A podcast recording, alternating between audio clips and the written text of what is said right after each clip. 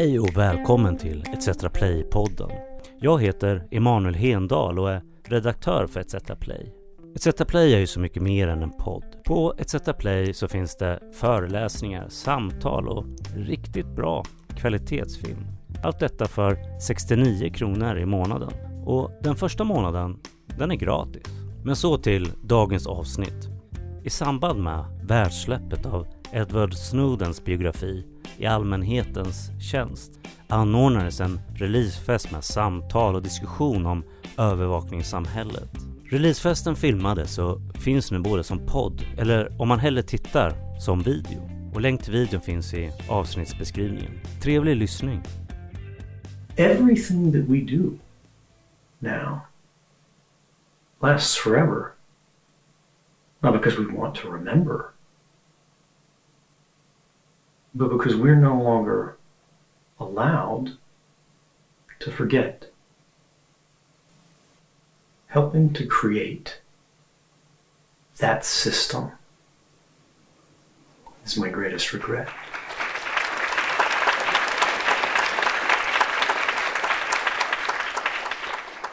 Det är precis vad boken I allmänhetens tjänst handlar om. Varmt välkomna! Jag heter Britt Stakston och har den stora äran att få moderera ett samtal på denna dag som är ett världssläpp av den här boken. Vi minns ju allihop 2013 hur Snowden chockade oss med att få en sån tydlig bild av den massövervakning som eh, genom att hoppa av från underrättelsetjänsten och, och verkligen avslöja de här universella övervakningsprogrammen. Han ville synliggöra det som sker och han ville tydliggöra att det görs utan medborgarnas tydliga samtycke. Idag, sex år senare, kommer han eh, i den här, gör i den här boken, berättar om Eh, hur han idag ångrar eh, att han har varit med och bygga upp det system som han ganska snart kände att han ville vara med om att rasera eh, och utveckla framöver. Och I boken lär vi känna en person som tror på teknikens möjlighet att bidra till mänsklig samhörighet.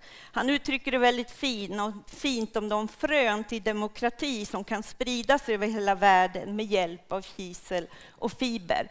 Men vi vet alla, vi vet det genom Snowdens situation, vi vet det genom utvecklingen sedan dess och vi kommer läsa mycket om det i hans bok, om de problem som är uppenbara till att så lite också görs för att våra privatliv eh, inte ska bli de här permanenta register för all framtid. Men det jag vill skicka med som ett raster inför det samtal vi ska ha här nu är också att boken är en sån fantastisk inblick i hur det är att växa upp i en verklighet där internet är en del. Det är också så att vi får följa med till hans barndom och han menar ju att han är den eh, liksom sista generationen i USA som är icke-digital. Så vi får ju följa med på hans digitaliseringsresa. Han menar att det är den sista generationen som inte har sin fullständiga barndom sparad i molnet. Och då vill jag inleda med att ge en beskrivning av en av hans första stora digitala upplevelser. För det finns något i den som är någonting som jag bar med mig i den fortsatta läsningen. Det här är Edward Snowdens ord. Jag är helt uppriktig. Jag ber er att ta detta på allvar. Super Mario Bros 1.0-utgåvan är kanske det största mästerverket av alla sidskrollande dataspel. När spelet börjar står Mario längst till vänster på den legendariska öppningsskärmen och han kan bara gå i en riktning. Han kan bara flytta till höger medan nya landskap och fiender scrollar in från sidan. Han avancerar genom åtta världar med fyra nivåer vardera, alla reglerade av tidsbegränsningar, tills han når den onde Bowser och befriar den fängslade prinsessan Peach.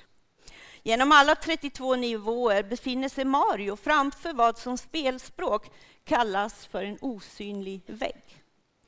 Som inte tillåter honom att gå bakåt. Det finns ingen återvändo, bara vägen fram. För Mario, Luigi, för mig och dig.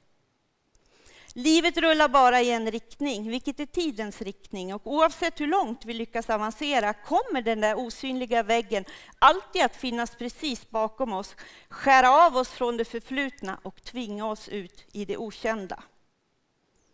En liten unge som växer upp i en småstad i North Carolina på 1980-talet måste få en känsla för sin dödlighet någonstans.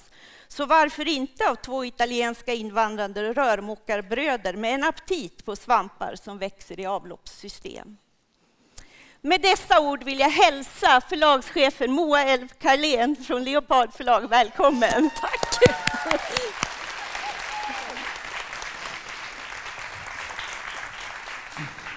Ja du Moa, grattis! Tack! Till att ha fått förlägga den här boken.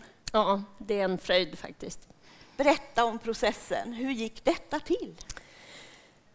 Det är ju många som tänker, tror jag, att det här med att jobba på förlag är väldigt glamoröst. Att man reser runt i hela världen och skvalpar med olika drinkar och eh, eh gör upp olika stora affärer och eh, någonstans har man någon assistent som bär böcker böcker och lite sådär. Och i själva verket så är det ju ett fruktansvärt slit att jobba på ett förlag. Eh, dessutom att jobba på ett litet förlag som Leopard är. Eh, vi ger ju ut samhällsengagerad litteratur sedan mer än eh, ett decennium tillbaka. Men eh, det som hände i alla fall, det var att plötsligt blev det så där glamoröst.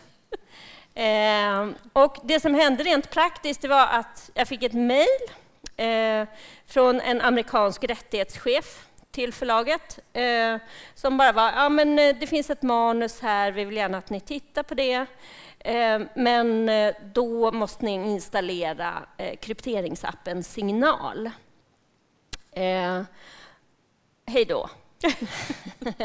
och eh, så installerade jag krypteringsappen Signal, fick kontakt och fick klart för mig att det här då var eh, Edward Snowdens självbiografi. Och vid det läget, då var det mitten av maj, då var det väldigt få ens på det amerikanska förlaget som överhuvudtaget kände till att den här boken existerade. Det var hållet till en väldigt tajt krets. Och jag sa att jag eh, vill naturligtvis läsa eh, Hur bär jag mig åt? Ja, eftersom vi inte får skicka någonting digitalt, sa han, så ligger en papperskopia i London, på vårt Londonkontor. Så att du kan, du kan läsa där. Och då tänkte jag som litet förlag att eh, alltså som litet förlag, chansen man har nu det är att vara djävulusiskt snabb helt mm. enkelt. Så att jag var i London 48 timmar senare, hade med mig en flaska vatten, ett äpple och eh, kom till ett förlagshus där den enda personen som visste om att det här manuset ens existerade kom eh, ganska bakfull, yrvaken, eh, undrade vem i hela världen jag var och liksom försökte visa mig till ett ställe där jag kunde sitta med en pappersbunt som var en blank framsida. Och när det är en sån här blank framsida, ni vet när det är titelsidan där titeln står och författarens namn står, när det inte står någonting, då började hjärtat ticka lite redan då. Och så läste jag. Jag läste från 8.30 till eh, 18.30 när de stängde. Det här var en fredag. Och första meningen i det här manuset eh, tog mig lite sådär med storm. Eh, ni kommer själva, tror jag, vara med om det när ni öppnar boken. Men i det engelska manuset då, då stod det ungefär My name is Edward eh, Joseph Snowden. I used to work for the government. Now I work for the public. Och redan där fick jag lite så här gåshud faktiskt. Ja, så bara plöjde jag igenom det där och eh, blev djupt berörd och kände att det som var nytt Eh, med den här boken, eh, det är ju det att han träder fram som människa och som person. Han har ju hela tiden konsekvent eh, velat eh, ställa sig lite i bakgrunden och tala om de stora frågorna mera. Men nu när han trädde fram som person så tyckte jag att det skapades nya möjligheter som läsare att identifiera sig och bli berörd av de här ganska abstrakta frågorna som frågorna om övervakning faktiskt är. Och att faktiskt bygga en motrörelse. Mm. Det var min känsla. Um, så att jag la ett bud samma kväll, fick tillbaka, ja det är ju eh, ganska lågt.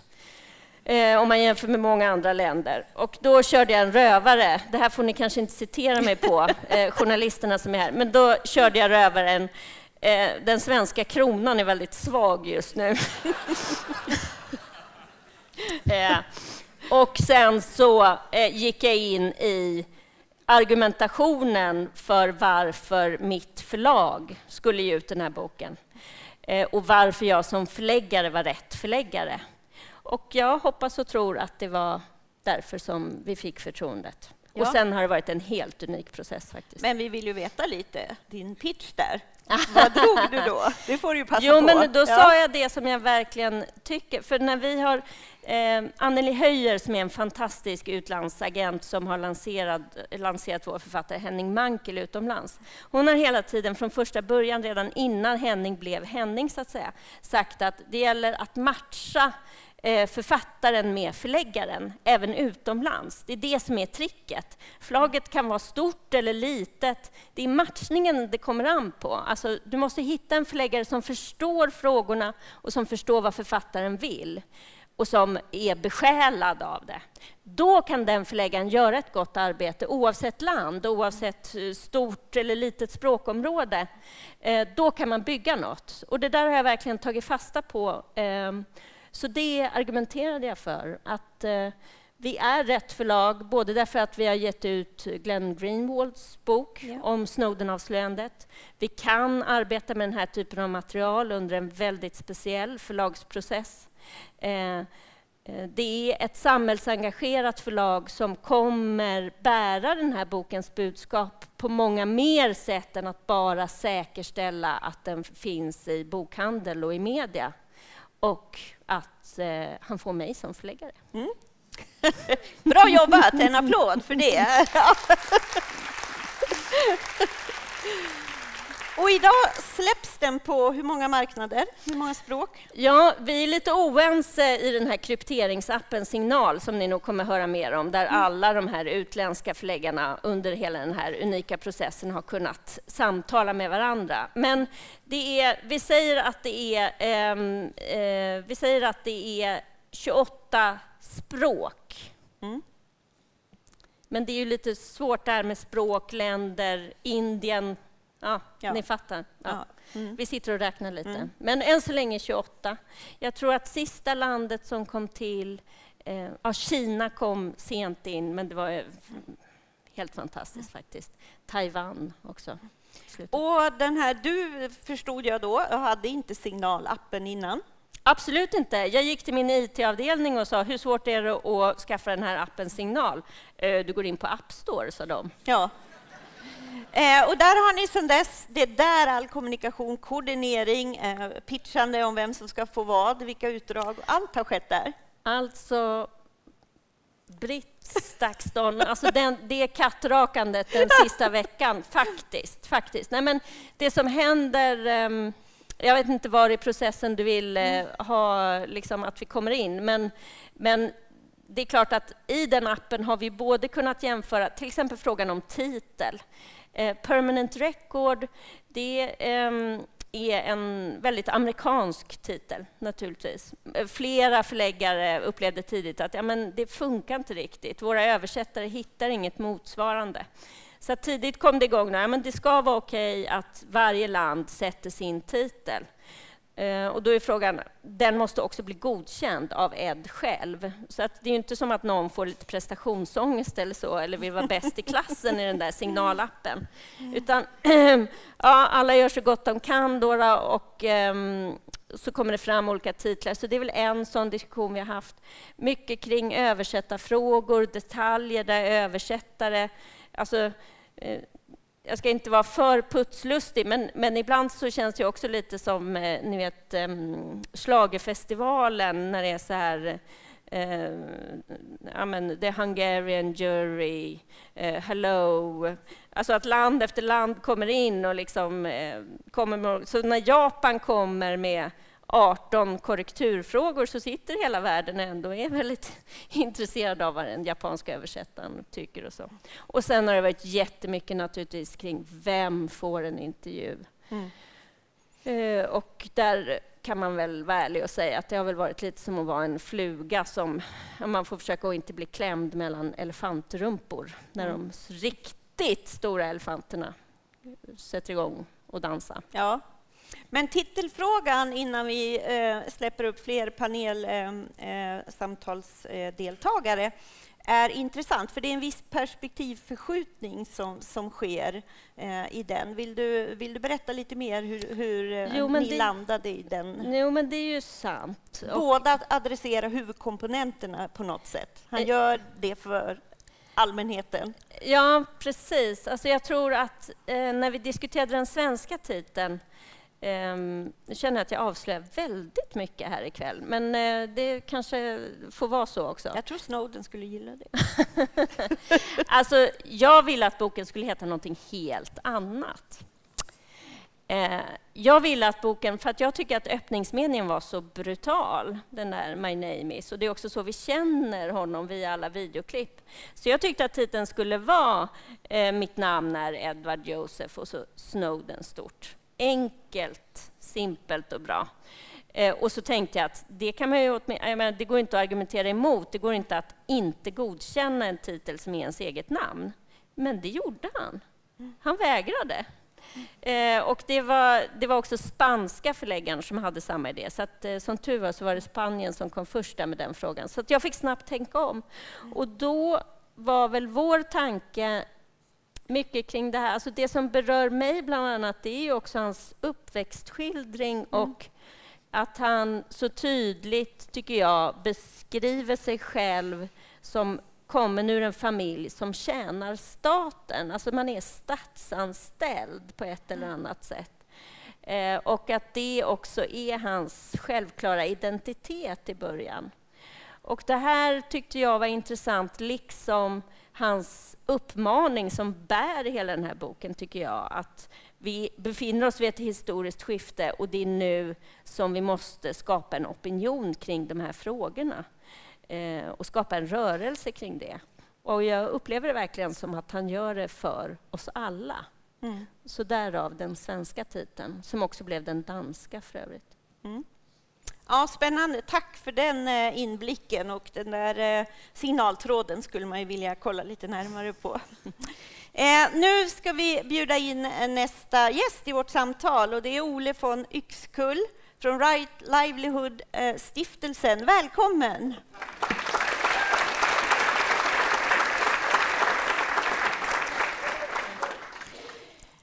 Så roligt att ha dig här. Vill du lite kort roligt säga vad Right Livelihood-stiftelsen är? Vad gör ni? Right Livelihood-stiftelsen delar ut Right Livelihood-priset. Mm som också kallas det alternativa Nobelpriset som går till människor som på ett praktiskt sätt arbetar för att lösa globala problem. Det är medvetet en väldigt öppen formulering och vi får nomineringar från hela världen i början på varje år. Och 2014 var en av de nomineringarna Ed Snowden och han blev en av fyra pristagare det året. Mm. Vad premierade ni honom för? Minns du? Kanske inte exakt, men hur motiveringen löd? För allmänhetens tjänst på, på så sätt att eh, vår jury tyckte att det var viktigt att människor fick veta vad som gjordes, inte bara med deras data utan deras rättigheter. Och för att han gett tillbaka den kunskapen, den informationen i, i händerna på inte bara folket utan också parlamentariker som inte heller visste om den problematiken. Mm. Den kunskap som han har gett har också stärkt alla de som ni jobbar med i andra sammanhang och har lyft upp. Människorättsorganisationer, alltså personer som har klivit fram. Det framgår väldigt starkt i boken precis att särskilt när vi pratar om teknikerna för övervakning och de tekniker som vi kan använda för att skydda oss, signallappen, så är det inte en nationell fråga utan det vi gör och som utvecklas i europeiska länder eller i Nordamerika, det har stor betydelse för aktivister i länder som har ett ännu sämre rättsskydd. Och fördelen å andra sidan med tekniken är att den går att användas i princip i alla länder Det finns vissa inskränkningar eh, med stater som är duktiga, som Kina till exempel, att eh, inskränka det. Men tekniken är mycket mer global där än lagarna. Mm. Eh, I, inför den här dagen så fanns det också kopplat till, till dig meningen om att du är en av de svenskar som har träffat Edward Snowden flest gånger. Och eftersom vi har ju fått eh, lite inside om hur diskussionerna gått om processen med boken så vore det kul att höra från dig. Eh, jag själv känner en otrolig längtan att få veta lite mer om Edward Snowdens presence i ett rum. Vi är så vana med att se hans ansikte eh, och när han föreläser. Jag har ju själv haft förmånen att få intervjua honom 2016. Men så här, energin i rummet, är det någonting du vill berätta för oss? Vem är han?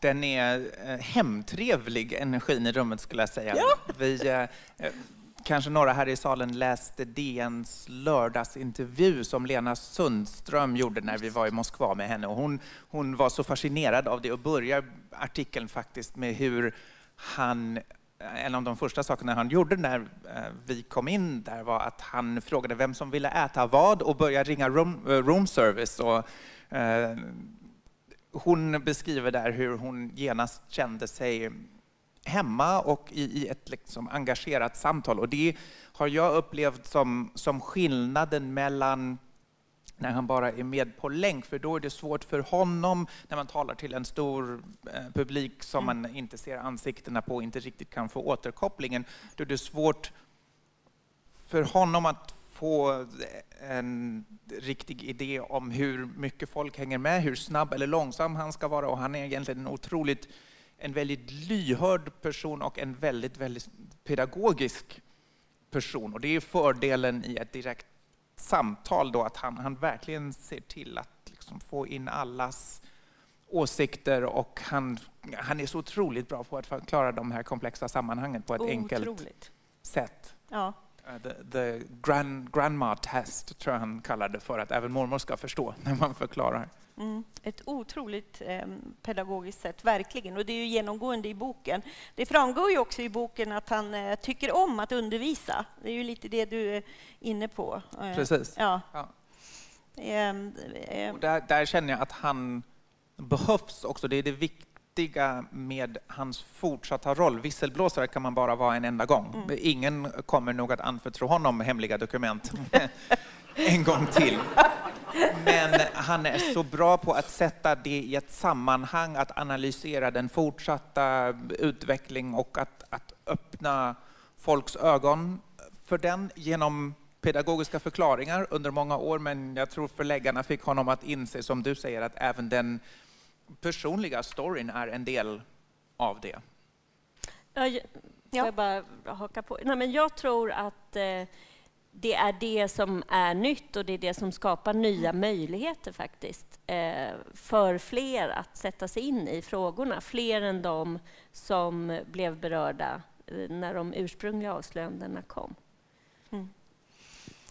Precis, och det, ja, för de som har följt de olika intervjuerna så finns en del av det som står i boken, i alla fall i sakfrågorna, fanns redan ute innan, men det är väldigt bra och många har liksom bett honom under alla dessa år att han på ett eh, sätt, på ett samlat sätt nu tar plats i debatten med hans analys.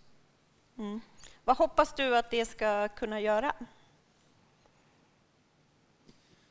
Jag hoppas att det ökar medvetenheten eftersom medvetenhet kan för det första leda till politiska påtryckningar, politiska krav när det gäller massövervakning, även när det gäller honom som person. Men jag hoppas också att det leder till ändrat, ändrat online-beteende. Att vi använder oss av de tekniska möjligheterna som faktiskt finns att skydda vår identitet men också att vara mer skeptiska när det gäller de vanliga stora internetjättarna och det, det sättet som eh, de behandlar vår identitet och integritet. Mm. Om vi mm, eh, går tillbaka till eh, också bilden av honom som man får i boken är vid sidan av ett levande personligt möte som du har så är det ju en eh, fantastisk läsning av exakt vilket rikt liv internet möjliggör idag. Till stora delar lever han ju livet så som han levde livet tidigare också. Eh, håller du med om det? Absolut, det, det, är två aspekter i det. För det första har ju internet gjort det möjligt för honom att göra i princip samma sak som han hade gjort som friman fastän han är försatt i exil. Så mm. på ett sätt har ju den här världsomfattande kommunikationen gjort att exil inte alls på samma sätt kan marginalisera en person längre. Det andra som också är väldigt intressant är som jag tyckte öppnade ögonen för mig också fastän jag är ungefär samma ålder, men hans skildring av internet på 90-talet, den tidiga fasen då det inte fanns Facebook och eh, det, det stora insamlandet av data på samma sätt. Och, och, hans intressanta analys där är när de första internetföretagen 2001, när, mm. när den bubblan sprack och det gick i konkurs, då hade de inte fattat än att det som folk helst vill göra på internet är att, att utbyta personliga åsikter, att ha en mötesplats. Man hade inte fått den, den här vansinniga idén som nu har blivit normalitet om att man gör en kommersiell produkt av det. Utan det var mer så tekniska förenklingar av adresshantering. Det var de första businessmodellerna. Och först efter att det hade gått eh, dåligt, då började de, de smarta företags, ehm, eller de smarta businessmodellen som gjorde hela vårt livs data och, och utbyte med vänner, att göra det till en kommersiell produkt, ta fart. Och det är därför han säger att internet är inte alls samma sak nu längre som det var på 90-talet. Mm.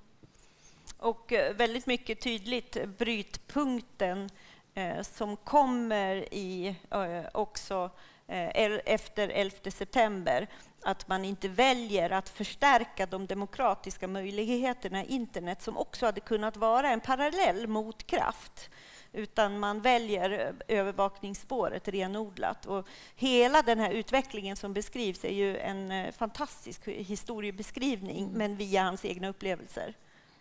Precis, och det var ju också en förändring inom underrättelsetjänsterna. Att från att man försökte att på ett riktat sätt spåra vissa misstänkta så börjar man samla in allting och låta några algoritmer då söka igenom detta efter den information man letar efter.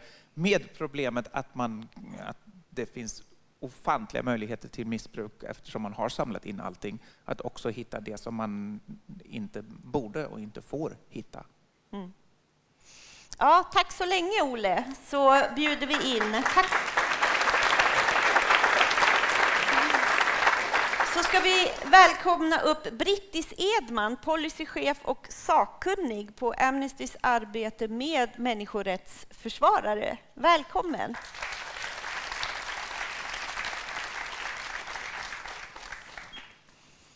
Ja, jag tror jag lämnar en liten öppen fråga, eller eh, kommentar till dig här. Reflektion efter det du har hört eh, Ole och Moa berätta här. Ja, alltså det är ju eh, fantastiskt viktigt tycker jag att, eh, att det här samtalet återupptas. Det är inte så att det har dött, absolut inte. Men, men samtalet om Edward Snowden som eh, människorättsförsvarare och som visselblåsare är ett väldigt viktigt samtal för oss att ha i vår tid. Eh, och jag tror också att det är väldigt viktigt att vi pratar om, om eh, övervakning och var var vi befinner oss. Ni var inne på att vi är vid något vägskäl. Sådär. Um, så att det, det, är väl en sån mm. reflektion. Mm. Och för Amnestys del så har ju Snowden varit en, en viktig fråga. Ni drev ju starkt i samband eh, innan presidentbytet att Snowden skulle benådas. Mm. Det var i samband med det som vi gjorde intervjun här i Sverige också, bland annat. Ehm, och ehm, eh, idag eh, så är det ju så att det du tar med dig till den här diskussionen är också perspektiv vad som har hänt sedan dess i övervakningsfrågan. Eh, för Snowdens avslöjanden lyfter ju upp och problematiserar hur människorättsutövare utsätts med hjälp av den digitala tekniken. Ja, Snowden är ju eh, inte bara människorättsförsvarare utan han är ju också utsatt. Eh, och det som, han, eh, det som han avslöjade 2013 eh, förändrade, det, det gav ju väldigt mycket bränsle till en ny global debatt om övervakning och vad övervakningens baksidor är. Han, ehm, han, på så vis så, så, har han ju liksom varit ehm, avgörande för många att, att eh, vara vaksamma inför det de själva utsätts för.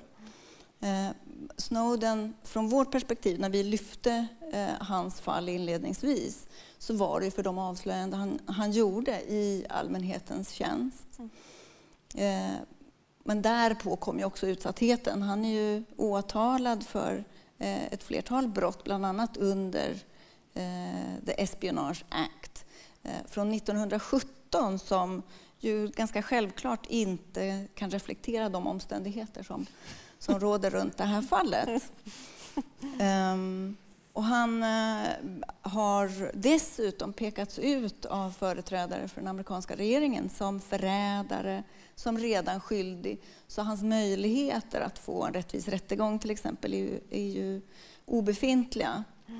Um, och det är också viktigt att, att komma ihåg. En annan en annan eh, aspekt på hans roll som människorättsförsvarare och som gör att jag tycker att samtalet om honom och, innehållet i boken är viktigt eh, är att människorättsförsvarare över världen, eh, de glöms bort. Frågan försvinner.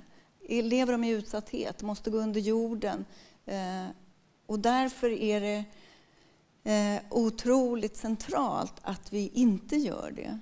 För att i den här glömskan eh, så går delar av legitimiteten förlorad och det han har att säga är eh, så relevant eh, i, i boken men också vad han sa 2013. Mm. Mm. Har du eh, några exempel på hur du ser att eh, övervakningen eh, påverkar eh, människorättsutövare idag i, i, i det negativa perspektivet. Det finns ju definitivt mobiliseringsaspekter mm. och alla de delarna. Men det finns ju en annan utveckling som vi, vi också måste eh, beakta och agera mot. Det är många länder eh, där människorättsförsvarare journalister, eh, personer som ja, visselblåsare eller personer som, som bedriver eh, i en regims ögon misshaglig verksamhet eh, vet att de är övervakade och därmed stryper sitt eget samtal. Och han är ju han är inne på det i boken.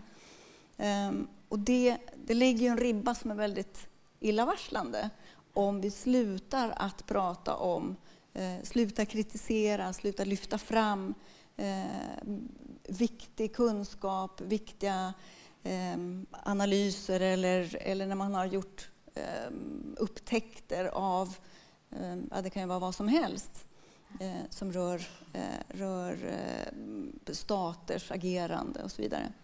Så det är en, en aspekt. En annan aspekt om man tittar på eh, kanske ett av de ett, ett väldigt iögonenfallande exempel är det som pågår i eh, den kinesiska eh, självständiga eh, regionen Xinjiang i västra Kina.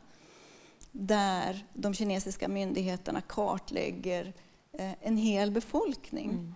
Mm. Man har, man har monterat upp avancerad kameraövervakning övervakning eh, i stort sett i varenda kvarter eh, och telefoner avlyssnas, det finns mm, olika sorters digital övervakning eh, som paras då med analog övervakning i form av militär och polisnärvaro. Så, där det man är ute efter, det man säger sig vara ute efter är ju att stärka den nationella säkerheten. Den här befolkningen som kartläggs är en muslimsk minoritet, mm. eller i huvudsak muslimsk minoritet ska jag säga som fortfarande är en stor del av befolkningen i Xinjiang, eh, men som är en, en eh, liten minoritet i, i, Kina på totalen. Det är ju en fruktansvärd övervakningsbild som träder fram. Eh, och sen så finns det ju massa schatteringar däremellan. Jag, jag tänker också att eh, steget där till eh, politiska rörelser eller eh, att mobilisera kring vissa frågor idag när vi gör det i så hög utsträckning inom sociala medier. Eh, alltså demonstrationerna i Hongkong till exempel, där det ändå visade sig att att koordinater kunde sparas och eh, tolkas och att man eh, möjligen då eh, faktiskt från regeringshåll också kan, kan eh, agera mot en sån eh, eh, folklig mobilisering. Det, det är väldigt skrämmande framtidsperspektiv, tycker jag. Mm. Och framtiden är här. Ja, mm. verkligen. Snowden, vill du säga något, Ole, kopplat till det? Eller? Det såg ut som du var redo. Ja, I framtiden kommer det inte ens vara människor antagligen som analyserar de datamängderna, då, utan det blir mer och mer artificiell intelligens som kartlägger oss. Och det är ett sätt också där några befarar att man kan komma till den punkten att de systemen blir grundläggande för att eh, artificiell intelligens kan ta över makt över människor. Nu är det flera decennier in i framtiden, men det pratas om det på allvar. Mm. Det Snowden lyfter också upp det konkreta eh, exemplet. Eh, och det som är spännande där är ju att dels ehm, bestämma sig för vad man ska göra mot det här. Och det, det Snowden lyfter fram så mycket är ju också att inte Eh, att inte bara titta på det som värstingexemplen ut, utifrån också redan eh, 2013 fanns ju Kina-analysen och då eh, skriver han ju om att då är ju frågan om vad som är värst, det här öppna fullständiga kartläggningen, öppet inom citationstecken för där förmodar man att det finns ju fler lager på den övervakningen också. Men det var ändå ett väldigt mer, eller är också öppet, medan hans Ehm, de stora upptäckterna om att motsvarande ju faktiskt gjordes i USA mot eh, universellt. Så. Det är ju de, här båda perspektiven. Och det är väl där vi befinner oss nu, att inte uppleva att vi bara kan skydda oss och känna att det här pågår i, i länder som inte har eh, samma demokrati, fungerande demokrati, utan det pågår precis överallt. Ja, vi vet ju också att det pågår en ofantlig massa insamling av data. Ja. Eh, om var vi är någonstans, alla vi som är här checkar in. Eh, det behöver vi inte ens göra. Eh, det finns metadata om oss hela tiden. Mm. Eh, var samlas det? Hur länge finns det kvar? Mm. Och är det till salu till den som eh, betalar mest?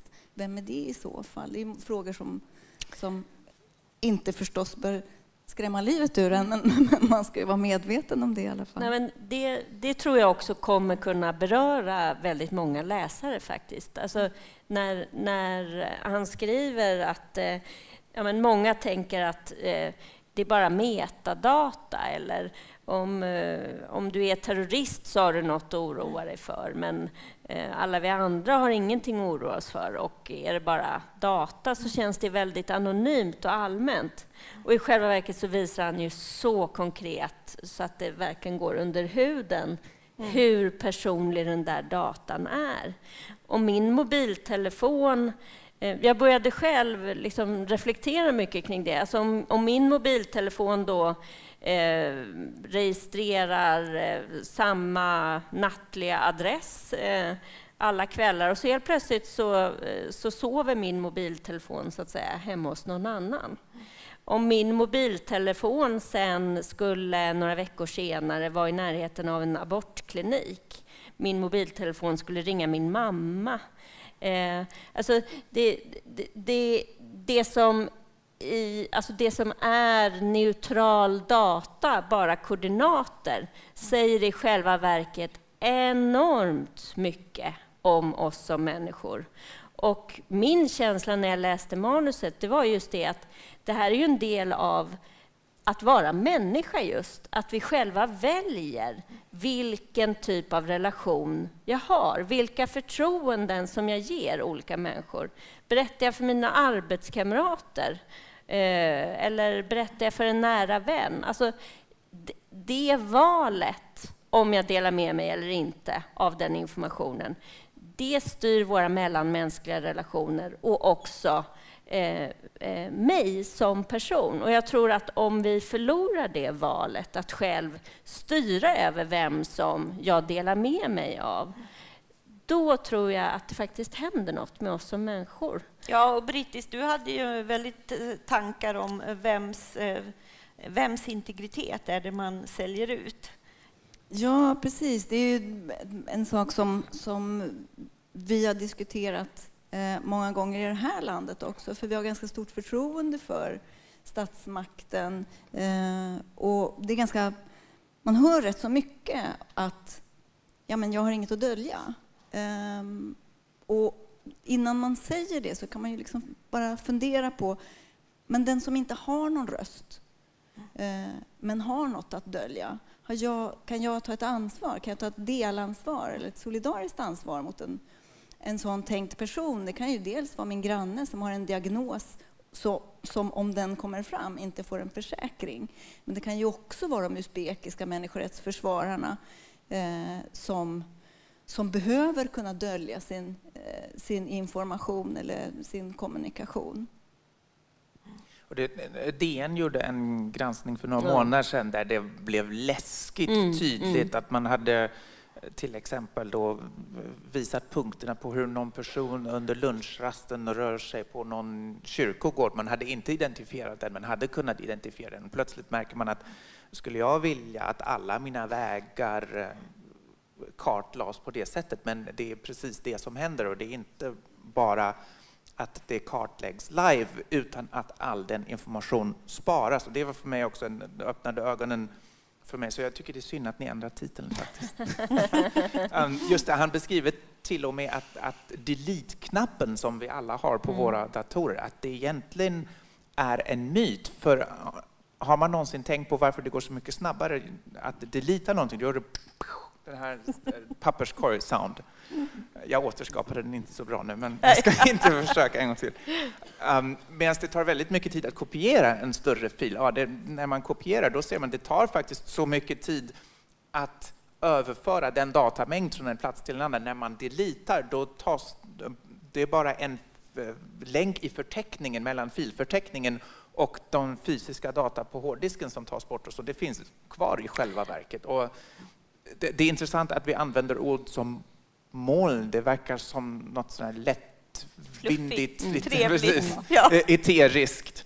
Eh, men i själva verket är, det, är hel, alla våra liv huggna som i granit och mm. vi har inte kontrollen över dem längre. Och de, de, fortsätter efter att vi har dött och de är ärligare än kanske vad våra minnen kommer ihåg. Så det är inte bara det här med att, att man ska kunna dölja någonting eller välja själv vem som vet vad. Det handlar också om att, som han sa i början, att man inte får glömma längre. Men det, det är ju någonting som, som är väldigt sunt för hjärnan också faktiskt, att kunna, ingen skulle fungera utan att glömma och för samhället är det dåligt. Men det är ju verkligen sant och det viktiga i DN-avslöjandet var ju också att den personliga datan som den här personen, då, hur han hade gått och vilka koordinater eh, som hade funnits, eh, den såldes ju. Alltså den datan såldes ju till eh, privata företag utan hans medgivande. Och det var ju också det steget som är nytt, tycker jag, om vi frågar oss vad är nytt nu mot 2013. Alltså där någonstans är det ju en, en situation som vi inte riktigt hade då. Absolut. Och det... det finns ju också en, en framväxande bransch som är väldigt oreglerad av datahandlare, data brokers, eh, som ju verkligen tar fasta på Eh, på osäkerheten och, och, bristen på regleringar. När eh, Donald Trump gjorde sitt utspel om extreme vetting, eller extrem granskning av muslimer i eh, USA, eh, så visade sig dels eh, sådana som, som Amnesty och andra människorättsorganisationer noterar att det är eh, striden mot konstitutionen.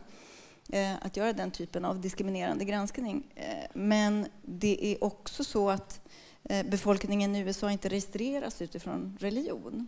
Mm. Vad händer då? Jo, då använder man andra markörer. Då samlar man in metadata. Man handlar på halalbutiken, man mm. köper mössan där, man umgås i den här typen av kretsar. Och sen så gick det inte så lång tid så dök det upp erbjudanden om 300 000 eh, muslimer eh, i USA som, som då kunde köpas för att den amerikanska regeringen kunde, skulle kunna genomföra sin eh, extreme vetting. Mm. Det har blivit ännu mycket mer extremt tror jag, verkligen sedan 2013 och det sa han också i någon av intervjuerna nu i samband med boksläppet att idag skulle han kritisera storföretagen lika mm. mycket mm. som han kritiserade statlig övervakning då och eh, han frågar journalisten, är du medveten om hur många signaler din telefon här skickar till alla möjliga tjänster hela tiden? Och journalisten är inte medveten såklart. Och frågan, skulle du, om jag programmerade en knapp, en app där du kan liksom stoppa allt det där, skulle man använda det? Ja, det skulle man använda och det, det tycker jag är intressant. Mm. Också att han och många andra arbetar med teknik som kan hjälpa oss att, att återta vår integritet. Exakt, för det är ju det man verkligen hoppas att boken och att få följa med på hans resa. På vägen till sitt beslut så är det ju inte en given punkt, utan vi får ju följa med. En reflektion är ju det uppkopplade kylskåpet som man ser på en mässa i Japan, tror jag om jag kommer ihåg eh, tidsordningen rätt här, eh, är ett exempel.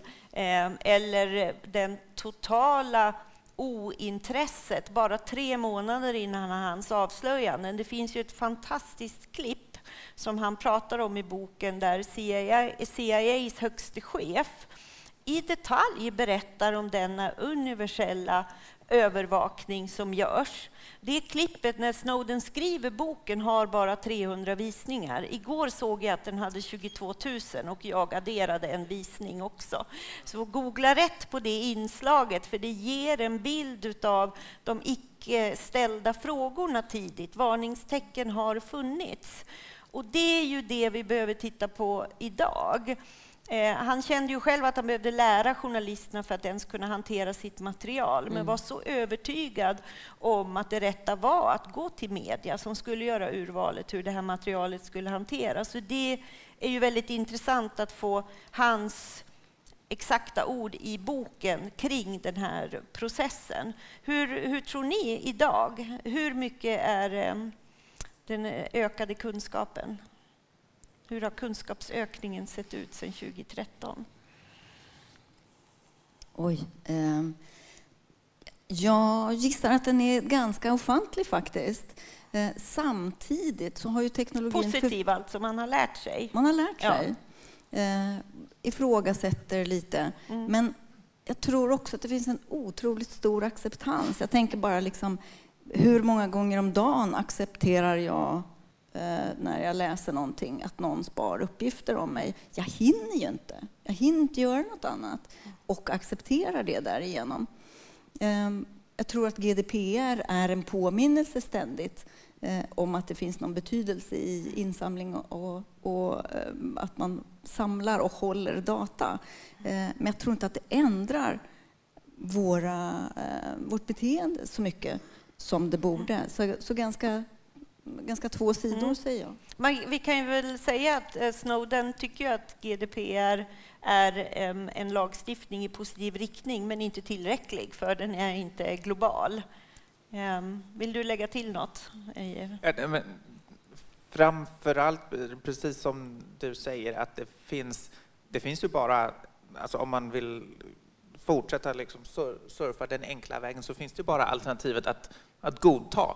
Och det påminner mig om en diskussion som jag hade just idag i ett annat sammanhang liksom för miljö och klimatarbete, att det fortfarande är allt för ofta så att det är bara det felaktiga valet som görs enkelt i produkter. Och jag tror att företagen har ett ansvar att också att, att verkligen alltså skapa verkliga alternativ genom att det ska vara lika enkelt som det är att välja det som kränker ens integritet eller som är miljöskadligt. Och så vi behöver alternativ som är lika enkla. För de, de klickalternativen där på nätet, som du säger, man har ju, man orkar bara tänka på det en tiondels sekund, för annars skulle man sitta hela tiden och, och läsa finstilad text. Och, och, det saknas, men där finns ju otroliga möjligheter också för, för coola nya internettjänster att skapa just det. Mm. Jag funderar på om vi ska se ett eh, litet klipp eh, som är från The Guardian eh, som ett litet instick innan samtalet försvinner. Det fortsätter menar jag, inte försvinner. Permanent record. Det försvinner aldrig. Ja, exakt, det har ju vi konstaterat.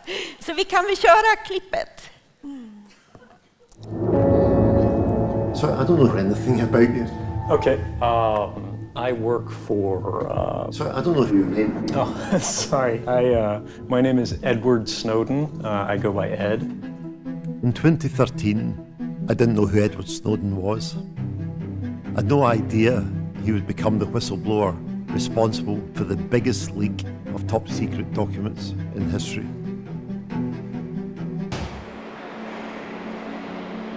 Despite being exiled from his home country, Snowden is now living a relatively normal life in Moscow. yeah, right. He invited me to come out here to discuss the release of his memoirs, Permanent Record. He's usually shy about talking about his private life, but in the book, he talks freely for the first time about his relationship with his partner, Lindsay Mills. When she came to the door in Moscow, I mean, you said that you were braced for a slap in the face. I mean, what would you do? you're married. If you ran out on your wife, and she sees you on the news, you're now wanted and can't come home again. Uh, and then months later, uh, you see her. what would you expect? Um, she's so much more than I'll ever deserve. I mean, when did you first meet? There's like a site called hotornot.com, and it was the, the most vain and basic venal thing in the world. And if you uh, saw someone that you thought was attractive who was near you, you could say, I'm interested in meeting this person. What, what did you rate her as? she was a 10.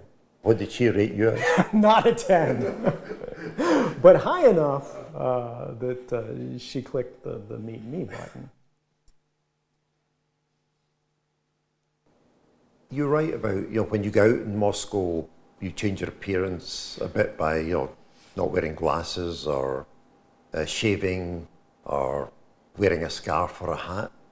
why is it necessary to take these precautions? Are you scared that the CIA are going to snatch you, or what, what are you worried about? Well, I don't actually live that way uh, anymore. I go around uh, much less uh, incognito. But you have to remember that in the 2013 moment, uh, I very much was a person, uh, the most powerful government in the world, wanted to go away. They didn't care whether I went away to prison. They didn't care about whether I went away into the ground. They just want to be gone. And they wanted me no longer speaking.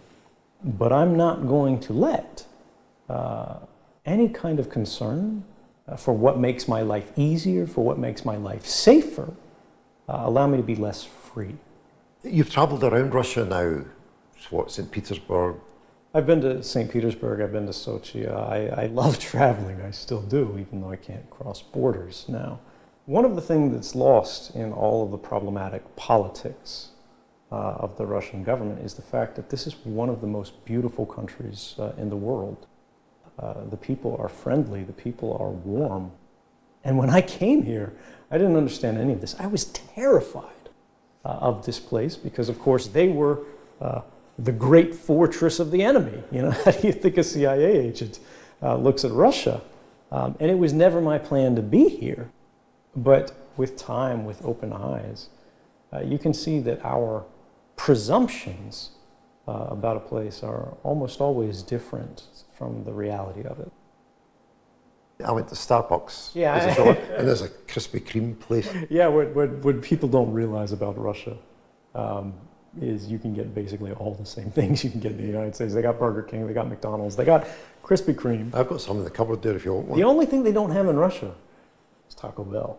Ah, can, can you go out and converse to people in Russian? Is it good enough for that? Or? As long as I've been uh, sort of alive, a real thinking, breathing, uh, where people care much more deeply about feelings than they do about facts. And this is a dangerous moment for democracies because people believe that uh, once we have achieved and established a, a, free and open society, that it will remain that way and, and will always be there. But the reality is, uh, things can backslide very quickly, and we have seen democracies fall in just a matter of a few years. In the book, you come to the conclusion that you know maybe legis- talking about surveillance, uh, legislative change might not happen.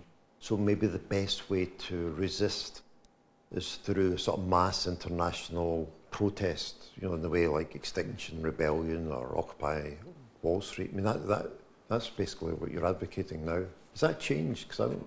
When our political systems are being slanted to deny us influence, uh, when our economic systems uh, are being shaped to uh, prevent us from having an equal opportunity to benefit from the production uh, that has been created, we need people to recognize these problems, to understand these problems, and then to be willing to give something up to change that problem. This is what we're struggling with on climate. This is what we're struggling with on so many fronts. Yes, people can believe that mass surveillance is wrong. Yes, people can believe that climate change is an enormous threat facing the future not of a country but of the planet. But it's not enough to believe in something. You have to be ready to stand for something if you want it to change. And so that is what I hope this book will help people come to decide for themselves. Are you ready for this to change?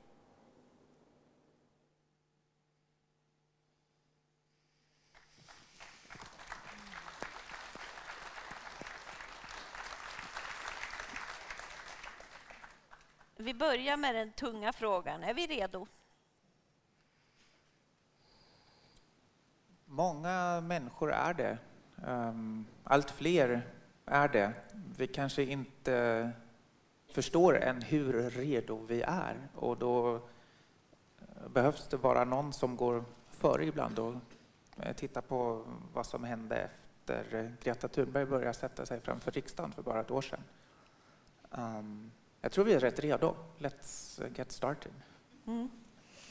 Eh, du nämner eh, Greta Thunberg. Eh, det är ju väldigt tydligt att den djupa depression som Snowden ham hamnar i, i sina insikter är väldigt lik den Greta Thunberg ger uttryck för att hon själv upplevde kopplat till klimatfrågan just när han insåg precis hur det såg ut och i nästan två års period innan han valde steg framåt när han fortsatte den här Super Mario-resan, den osynliga väggen som förde honom framåt hela tiden. Eh, så det är en, eh, jag tror att det finns en, en stor beredd internetrörelse också för att det är så uppenbart att det finns problem och att det finns den här både och-situationen. Man är, man, det betyder inte ett, ett hot mot också det, de positiva aspekterna, snarare att försöka hitta tillbaka till det. Vad tänker du, Brittis? Är vi redo? Ja, det måste vi väl vara. Jag tänker att det finns många olika sätt att vara redo på. Det kan ju vara dels att agera för andra som är mer utsatta. Eh, som sagt, det kan man också vara att, att ställa frågor till företag som man använder.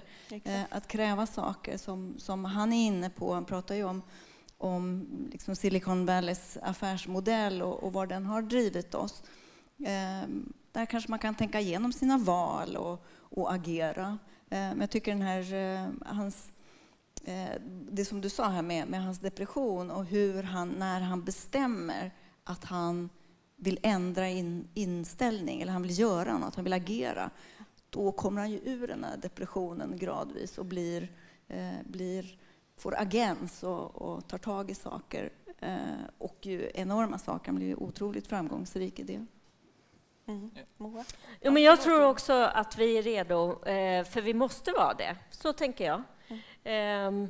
Jag tror inte att vi är lika naiva som vi var eh, innan 2013 tack vare de avslöjandena som Snowden gjorde då. Men nu kommer nästa fas, nästa eh, läge.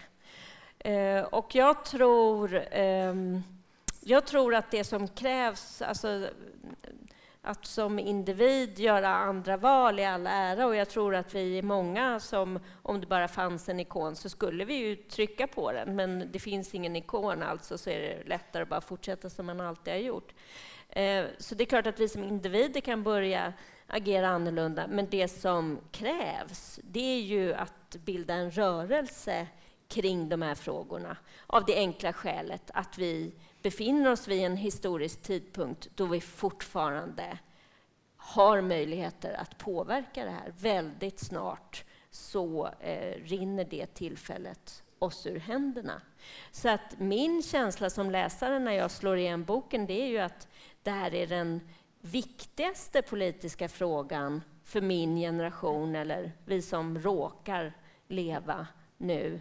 Möjligen med undantag av klimatfrågan. Men, men eh, det är nu det måste avgöras därför att det är nu vi fortfarande kan påverka.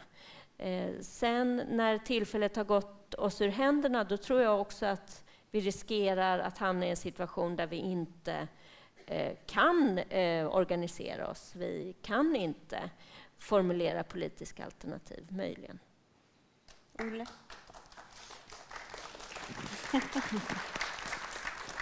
Olle, du vill också nej, säga jag tyckte något? att det, det, jag slogs av samma parallell som du drog där när jag läste boken och hans skildring av eh, den sjukdom som han upplevt med epilepsi och depression som var någonting som vi visste om men som han inte hade diskuterat eh, mycket offentligt innan. Och psykisk ohälsa är någonting som handlar om ofta hur vi ser oss själva i förhållande till den sociala gruppen runt omkring oss och när samhället blir allt mer galet i vägen mot massövervakning, i vägen mot äh, risker för själva vår existens så är frågan vem det egentligen är som är normal eller galen. Och vi behöver människor som ändå orkar att vara olika i sin analys och det blir ju svårare och svårare ju mer stora gruppen springer åt fel håll men samtidigt blir det kanske, det vad jag menar när jag säger vi kanske är mer, mer redo än vi tror. Det, det kan bli lättare att övertyga den stora gruppen genom en förebild om eh, man är på väg åt så fel håll att det är egentligen så uppenbart för alla. Då behövs det ofta bara en liten så här, gnista. Och man ska ju också tänka på att boken är ju, ger ju väldigt konkreta verktyg också. Eh, det finns ju ett helt kapitel om kryptering som Snowden menar. Av denna anledning står den enskilt största förhoppningen om att kunna bekämpa alla typer av övervakning till kryptering till exempel. Eh, jag tänker mig att vi närmar oss slutet, men det är ju den 17 september som den här världslanseringen sker och inte det heller är en slump, eller hur Ole? Varför är det den 17 september? Det var också någonting som eh, vi fick lära oss och ni får lära oss i eh, boken. Det är amerikanska konstitutionens dag, 232 år sedan amerikanska författningen antogs och han berättar i boken hur det var en, en minnesdag. Man fick inte ledigt, ingen får ledigt i, inom myndigheterna, men det var en minnesdag som inte var särskilt populär inom NSA.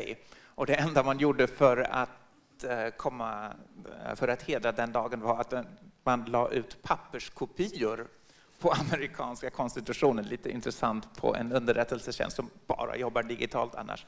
Och han gjorde en poäng av att alltid dela ut de här papperskopiorna till kollegorna inne på eh, andra kontor.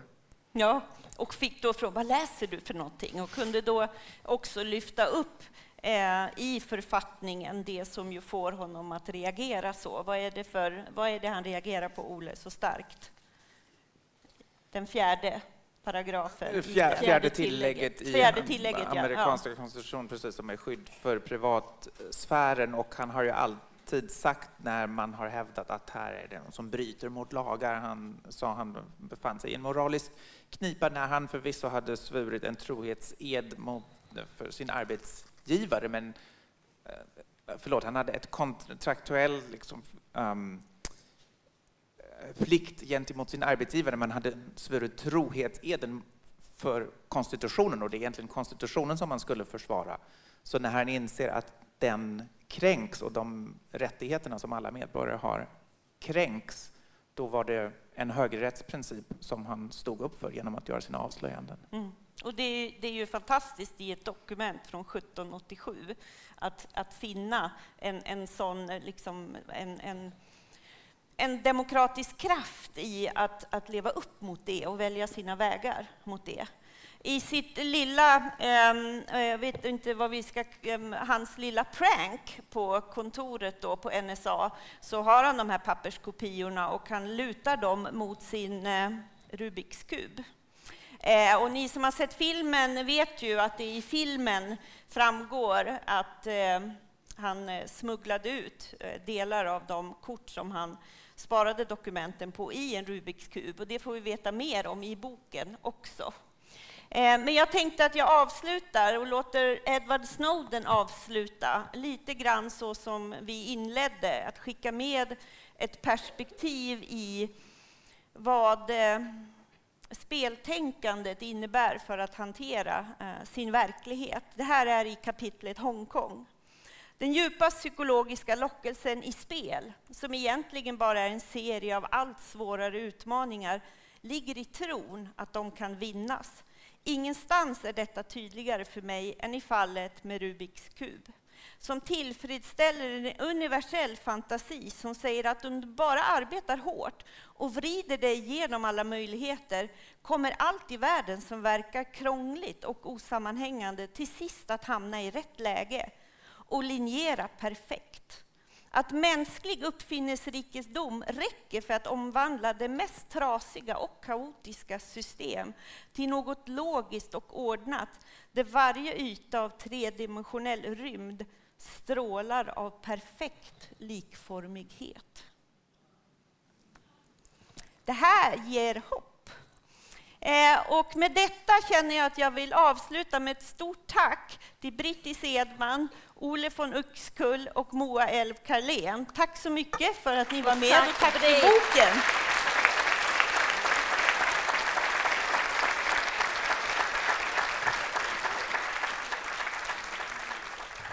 Får jag bara nämna att ni som vill får gärna dröja er kvar naturligtvis och eh, ta ett glas i baren och vi fortsätter samtala om de här frågorna. Vi är jätteglada att ni var här och jag hoppas att ni vill sprida ordet vidare. Och ett särskilt tack till dig, Britt, för en eminent moderering. Och tack vi för att ni kom. kampen tillsammans. Det här var allt för den här gången. Glöm inte att besöka ETC Play. På återhörande.